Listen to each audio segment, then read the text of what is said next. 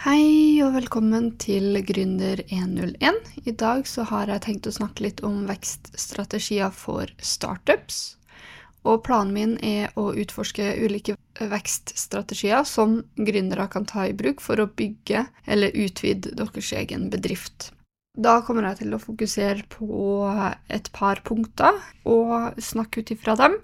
De punktene jeg kjenner til mest, og så kommer jeg til å nevne noen andre punkter som jeg ikke har 100% detaljer om akkurat nå, men som jeg kan gjøre litt videre undersøkelser og ta igjen senere.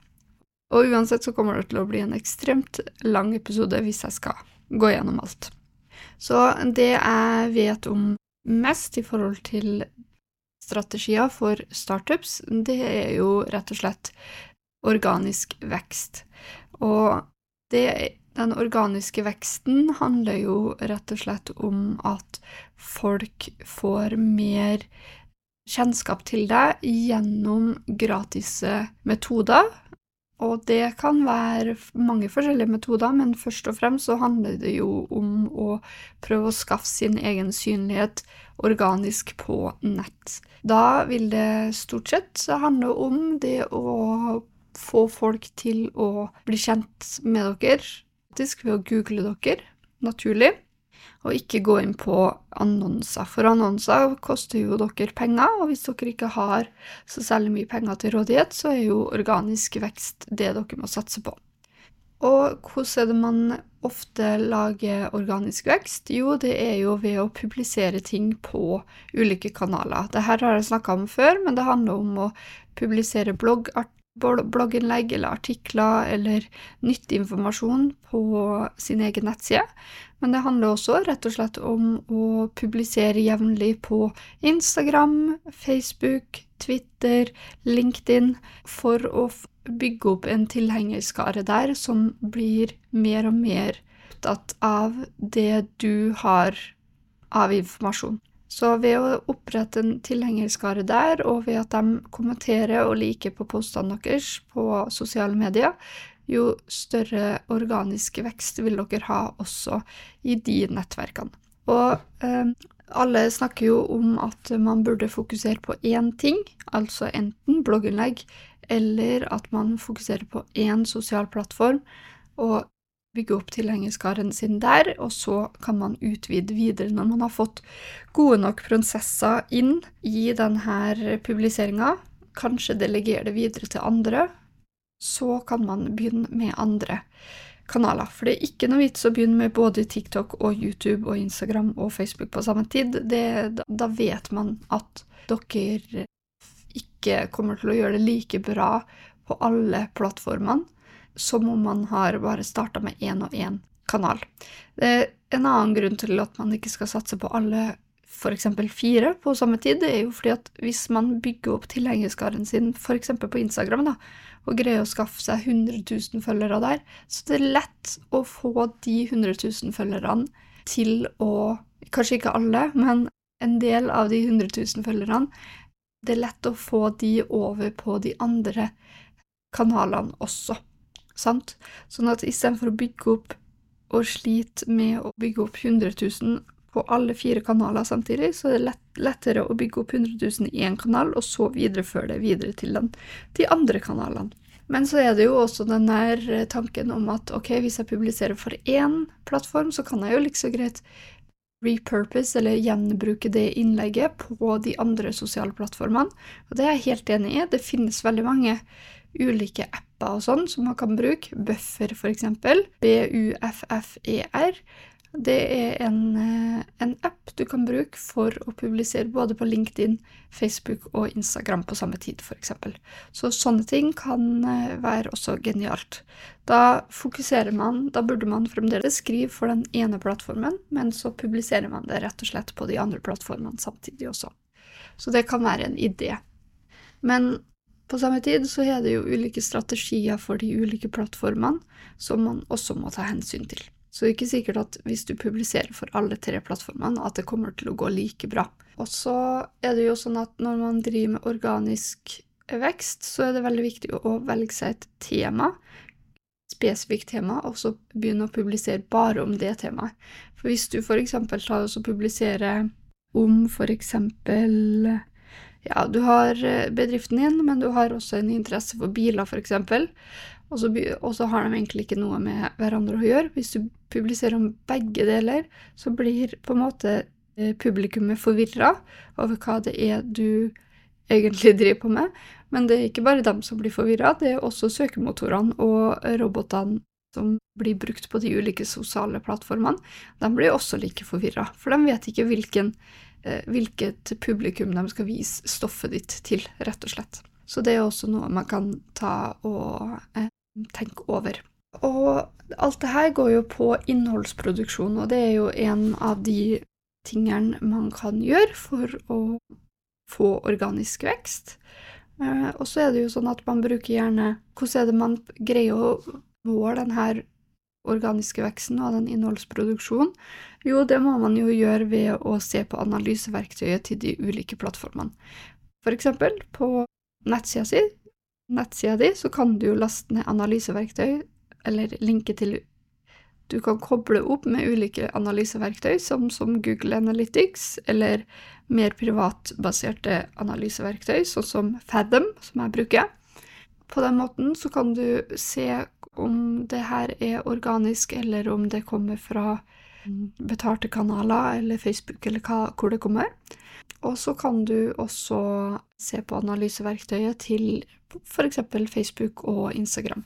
Kobler man seg opp med en bedriftskonto, så får man tilgang til Meta Business Suite, som gjør til at du kan eh, følge hvor mange inntrykk eh, innleggene dine gir deg, rett og slett. Og i Instagram så er jo den også kobla til Meta Business Suite, men de, Instagram har også sin egen analyseverktøy i selve appen, som du kan bruke hvis du kobler deg opp mot en bedriftskonto. Samme gjelder eh, LinkedIn og YouTube og alle. De har også sine egne analyseverktøy som man kan bli kjent med og bruke for å se om innleggene fungerer eller ikke. Og da handler det jo rett og slett om å prøve å følge med på de analysene og se hva, hva innlegg er det som faktisk engasjerer, hva er det som ikke engasjerer, og så fokuserer man videre på de innleggene som faktisk engasjerer. Du har jo en veldig, veldig populær uh, YouTuber som heter Mr. Beast, han fokuserer jo veldig på den eh, type analyse, og tar og bruker flere hundre tusen dollar, rett og slett, på å skyte en, en video. Og han er veldig opptatt av at hvis analysen ikke gir han noe, hvis det ikke treffer publikummet sitt, og hvis det ikke er interessant, så han, kan han ende opp med rett og slett å skrote hele ideen, eller filme det på nytt igjen. Han har også noen hemmelige folk som signerer sånn NDAs, klausuler, for å ikke avsløre at de har sett videoen på forhånd, men han bruker også en liten markedsgruppe for å se videoene på forhånd, sånn at han kan analysere ansiktsuttrykkene deres for å finne ut mm, hvilke segmenter i videoen hans er kjedelige, og hvilke er det som er veldig interessant. Og de kjedelige delene, dem tar han og endrer på, og gjør om, rett og slett. Så analyse er veldig viktig for å bli kjent med publikummet ditt, for å høre hva er det de er interessert i, rett og slett. Og de, hvis vi fokuserer litt på nettsida igjen, så er det jo sånn at de blogginnleggene og sånn, som har organisk søk, det bidrar jo til at Google ser på deg som en autoritet, for jo mer flere folk som klikker inn på blogginnleggene deres, jo større sannsynlighet er det for at Google har lyst til å vise andre blogginnlegg uh, som de mener er relevant. Og så er det da lettere å krype høyere og høyere opp på søkelistene også til Google, rett og slett. Så det var jo innholdsproduksjon, og det siste jeg nevnte, var jo om søkemotoroptimalisering, altså SEO, viktigheten av det. Og en ting jeg skal si når det gjelder SEO også, i forhold til innholdsproduksjon, analyse, det er jo ikke sikkert at innholdet du lager akkurat nå, vil gi deg treff akkurat i morgen eller om en uke. Ofte i forhold til blogginnlegg og nettsider og sånn, så tar det ofte gjerne seks til tolv måneder. Kanskje litt fortere i Norge, fordi vi har ikke den samme konkurransen som man har i USA, eksempel, og i det engelske språket. Men det kan ta rett og slett oppimot seks til tolv måneder før det man, den innlegget man skriver, faktisk havner på Google sin første side, rett og slett.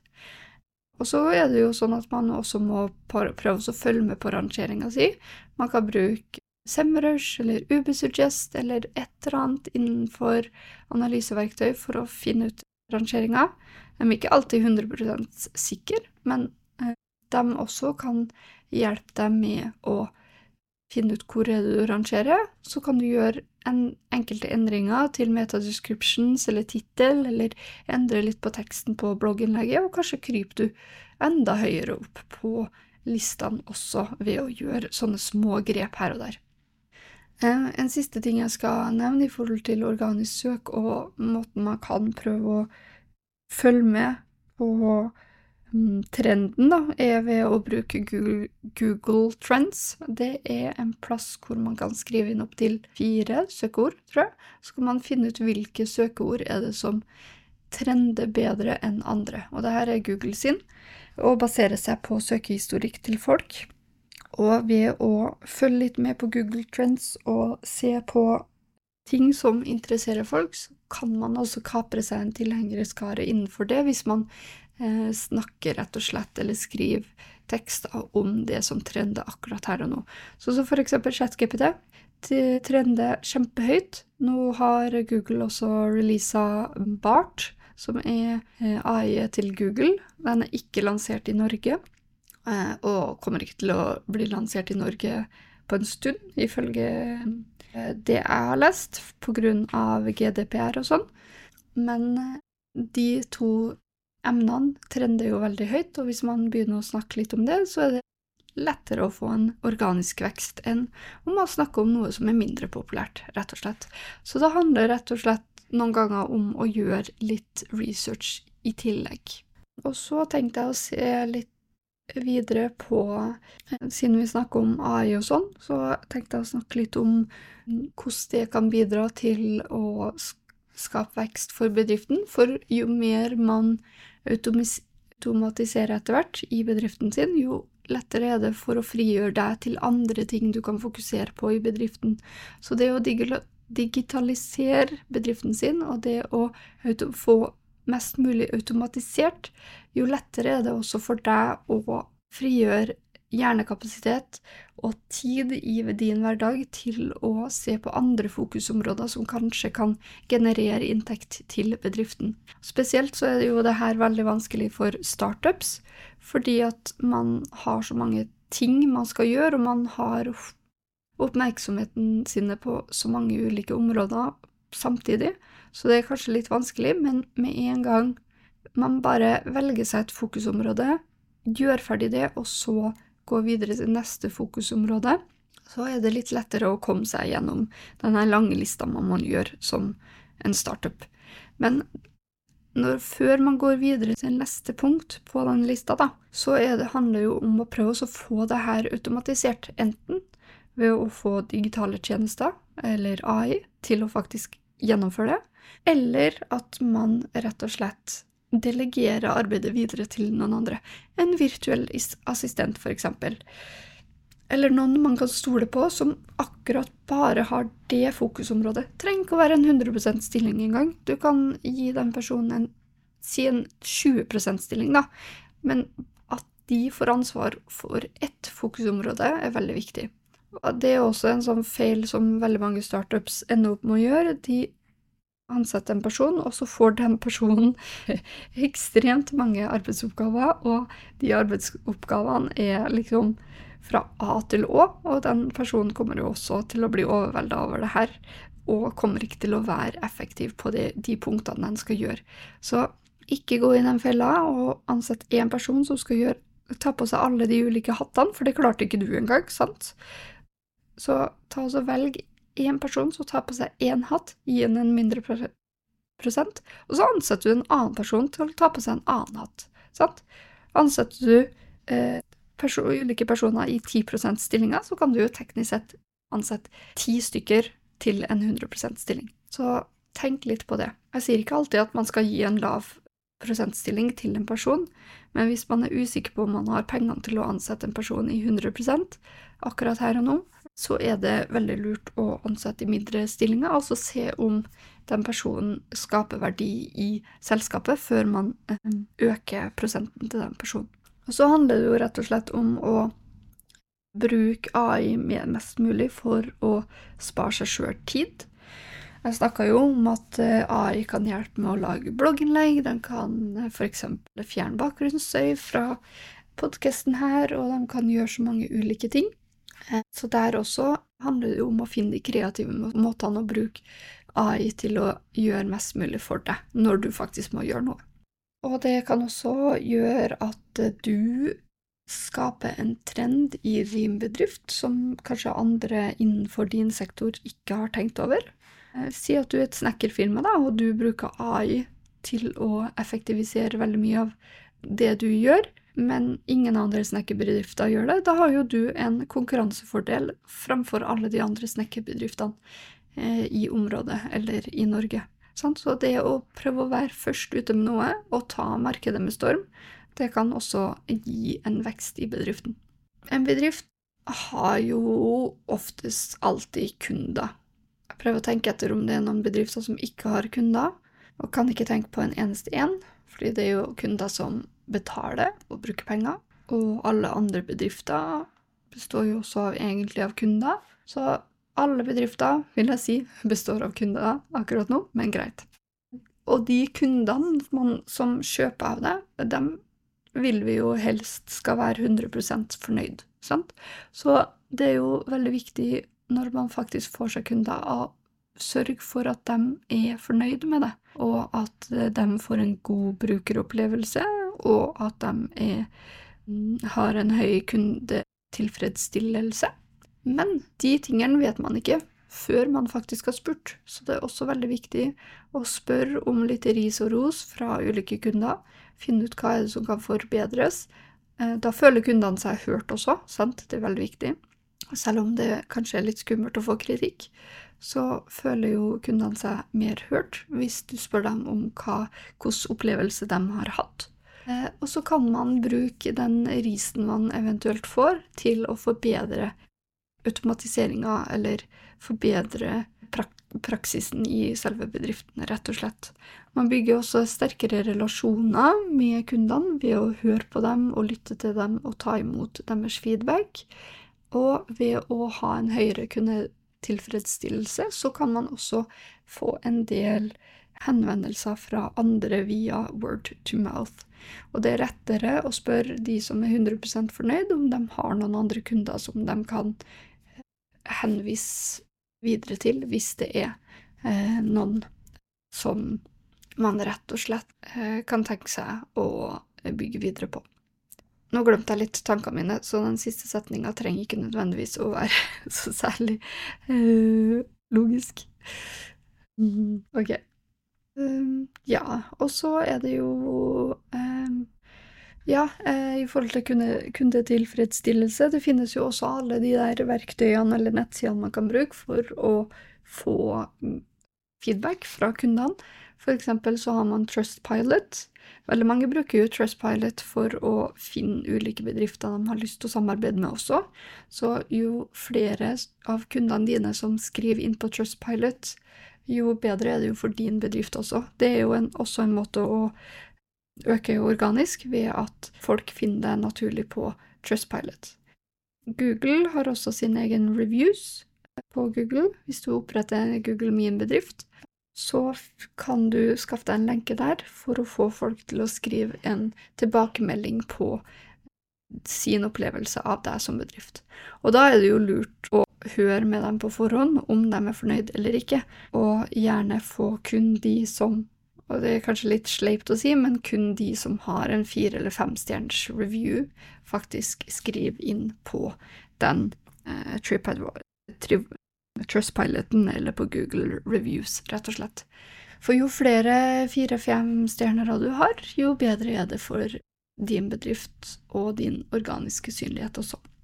Og så er det sånn at Google har jo også, sånn i forhold til e-commerce og sånn, netthandel, så er det sånn at Google kan også gi vise de stjernene i søkefeltet hvis du har over 100 reviews i løpet av må de seks siste månedene, eller noe sånt, og de er over tre og en halv stjerne, så kan du også få de der stjernene til å dukke opp i selve søket, og ikke bare på høyre side på Google. Nå er det litt over to uker siden jeg har undersøkt akkurat det, men jeg tror det var noe sånt. Men man kan google det, rett og slett. Um, ja, og en annen, men kanskje litt mer kjappere måte å skaffe seg eksponering og vekst, er jo ved å sette opp ads.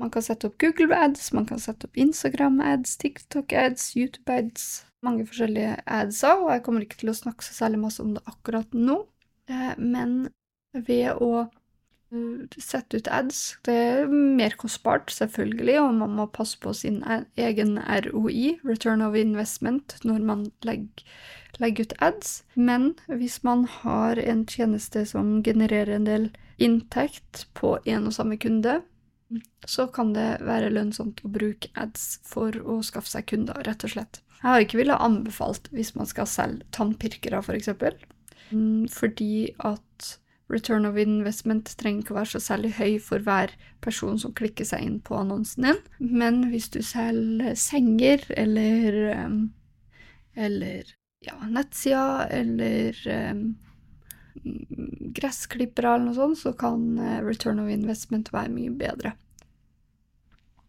Og du kan tjene en del på de delene der. Men her også har jeg villet sjekke litt på cost per click og sånn ved å bruke Semrush eller Ubersuggest for å se hva er gjennomsnittlige kast per klikk. Så må man huske også at selv om folk klikker seg inn på annonsene, så betyr ikke det at de ender opp med å kjøpe. Si at du har lansert en annonse, og så har du mellom 3-5% som klikker seg inn. Så vil jeg si at rundt 1% av dem igjen kommer til å faktisk handle av det. Så det, det er jo også noe man må ta hensyn til. Man kan ikke si at ok, jeg selger en gressklipper til 3000 kroner, men Casper Click er 20 kroner. Derfor så um, er det en god return of investment, fordi man har spart hva jeg sa, 20 2980 kroner på det her. Det har man jo ikke. Man må jo tenke at ok, eh, nå har jeg funnet ut at ok, hvis man har to, eh, skal ha én kunde som betalende kunde, så må man få 100 stykker til å klikke seg gjennom annonsen for å, at det skal være 1% sant? Og av de 100 som klikker seg inn i annonsen, så må det da ha 2000 visninger eh, på Google. Så man betaler jo heldigvis ikke for visningene på Google, men man betaler for de som klikker seg inn. Så hvis man har 2000 visninger på Google, og 5% klikker seg videre, så er det 100 stykker. Og 1% av de 100 stykkene er jo da 1% Nei, én person. Så hvis noe koster da 25 kroner i Casper Click, og det er 100 stykker som eh, har klikka seg, bare for at én person skal kjøpe, så ender man opp med en ads-kostnad på 2500 kroner, rett og slett. Sånn at, eh, for å si det sånn, da, vi har ikke villet ha solgt tannpirkere her bare for at noen skal klikke seg inn, men sånne ting burde man regne ut i verste fall. Dette er jo worst case scenario, mest sannsynlig så er det jo kanskje en liten større prosent enn 1% som faktisk ender opp med å kjøpe, men si at eh, det er Ja, si at det bare er en person som betaler ender opp med å være en betalende kunde, da, og det, den adsen koster 2500 kroner, så må man jo finne ut hva er return of investment på den. Så si at du selger en gressklipper for 3000, men har brukt 2500 kroner på å lokke til deg én kunde, så sitter du igjen bare med 500 kroner i profitt på den gressklipperen. Så kanskje er det ikke like relevant, eller kanskje må man gjøre noen endringer på adsene sine og sånn for å få opp den de prosentene som jeg nettopp snakka om. Og det er sånne strategier man må tenke etter når man skal rett og slett eh, jobbe videre med det her. Og det er veldig viktig å tenke over i forhold til ads. Og så er det sånn at det her er jo Google ads, men de samme tingene kan man gjøre med Facebook ads, og man kan gjøre med Instagram ads og alle de andre plassene. Og så er det veldig viktig å få tracka de her greiene. Og det kan man også gjøre med Google Analytics og med Fathom og alle de andre eh, analyseverktøyene. Man oppretter slett, rett og slett kampanjekoder for å tracke folkene videre i sin egen kundereise. Så man kan koble på en UTM-parameter for å tracke den personen. Så det hvis man ser på en lenke som man eh, har klikka på fra Facebook til Google f.eks., så er det jo sånn at man har en nettleserlenke helt i begynnelsen, og så kommer det ofte et spørsmålstegn opp på slutten, og så kommer det en del sånn uleselig kode etterpå. Hvis det skjer på lenkene deres, så betyr det rett og slett at noen har tracka det. Det trenger ikke nødvendigvis å være uleselig kode. Jeg har ofte satt opp sånne UTM-parametere for å finne ut hvor kundene mine kommer ifra. Og jeg bruker Fathom som eh, analyseverktøy, som er sånn privatgreier, så da vet jeg jo også at det jeg gjør, ikke går utover eh, GDPR. Da bruker jeg en UTM-generator som Fathom har. Da skriver jeg inn nettsida mi, så eksuma.no, for eksempel så vil den gjerne at du skal ha med https kolon skråstrek skråstrek www.exuma.no. Så vil den at jeg skal ha en campaign name. Da bruker jeg vanligvis å si f.eks. nettsider, hvis jeg prøver å legge ut ads for det. Og det er jo for at jeg skal kjenne igjen kampanjen jeg kjører. Noen ganger kjører jeg en webinarkampanje, noen ganger kjører jeg en nettsidekampanje, noen ganger kjører jeg en Eh, SEO-kampanje og sånn, og da er det veldig viktig for meg å kjenne igjen de ulike kampanjene og se hvilke som fungerer. Så vil den ha en campaign source. Der skriver jeg eksempel Facebook, hvis det er Facebook ads jeg bruker. Og så kan jeg også legge til eh, andre ting, som eksempel kampanjemedium. Det er om det er en e-post, eller om det er en banner, eller en tekstlenke, eller hva det er. Kampanjeinnhold og kampanje terms, eksempel. Så de tre tingene trenger man ikke bruke, det er ikke required, eh, men man kan legge inn noe ekstra informasjon der også, som du vil bruke for å kjenne igjen.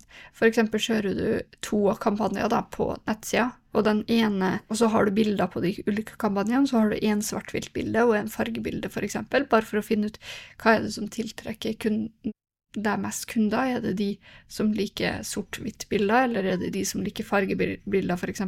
Så kan man rett og slett eh, skrive på kampanjekanten om at det her er fargebilde eller svart-hvitt-bilde, f.eks. Og når man har laga den generatoren her, så får man opp en eh, lenke basert på alt det du har skrevet, og da er det alltid nettadressen din først, så skråstrek spørsmålstegn. Så står det rett og slett UTM Campaign er lik nettsider, og tegnet UTM Source er lik Facebook. Så hvis jeg legger til noe på den andre, så kommer det UTM Medium, UTM Content og Sorry, noen barn som skriker i bakgrunnen. Og UTM Terms, rett og slett her. Og ved å paste den her inn på adsen min, så folk, når folk klikker inn og går videre inn på nettsida mi, f.eks., så kan jeg se det her i analyseverktøyet, hvor de kommer ifra, og om de faktisk rett og slett har gjennomført et kjøp eller ikke av meg. Så det er ganske genialt. Og det er ikke noe vits å kjøre ads hvis du ikke Eller det er Du kan jo fremdeles gjøre det, men det er ikke hensiktsmessig å kjøre en ads uten at du rett og slett greier å finne ut om den fungerer eller ikke, for da, da blir det nesten som at du eh, eh, Hva heter det da, da skyter du rett og slett i blinde. Du vet ikke om det du gjør, faktisk fungerer eller ikke. Så husk å bruke litt tid på å sette opp kampanjene, og husk å sette opp analyseverktøy og sånn, og greie å prøve å innhente mest mulig informasjon om hvor kundene dine kommer, og hvor eh, hva de har faktisk gjort på nettsida, om de er kjøpende kunder eller ikke. På, på, den måten kan du også se ok, hvor er det fleste kjøpene mine kommer fra. Er det fra Google Ads, eller er det fra Facebook Ads? Kanskje kan du, er det fem stykker som kommer fra Facebook Ads, da, men én person kommer fra Google Ads. Da har jeg jo villet gønna mer på å bruke mer av pengene mine rett og slett på Facebook Ads enn jeg har villet bruke på Google Ads. Så det er sånne ting man må ta hensyn til også, og som kan bidra til å skaffe mer vekst i bedriften. Ok, eh, jeg har faktisk en del andre ting jeg har lyst til å snakke om også, men jeg tenker at det er best at jeg venter til neste episode om det. Og så avslutter jeg her, og så deler jeg heller episoden i to. Eh, så vi snakkes i neste episode. På gjensyn.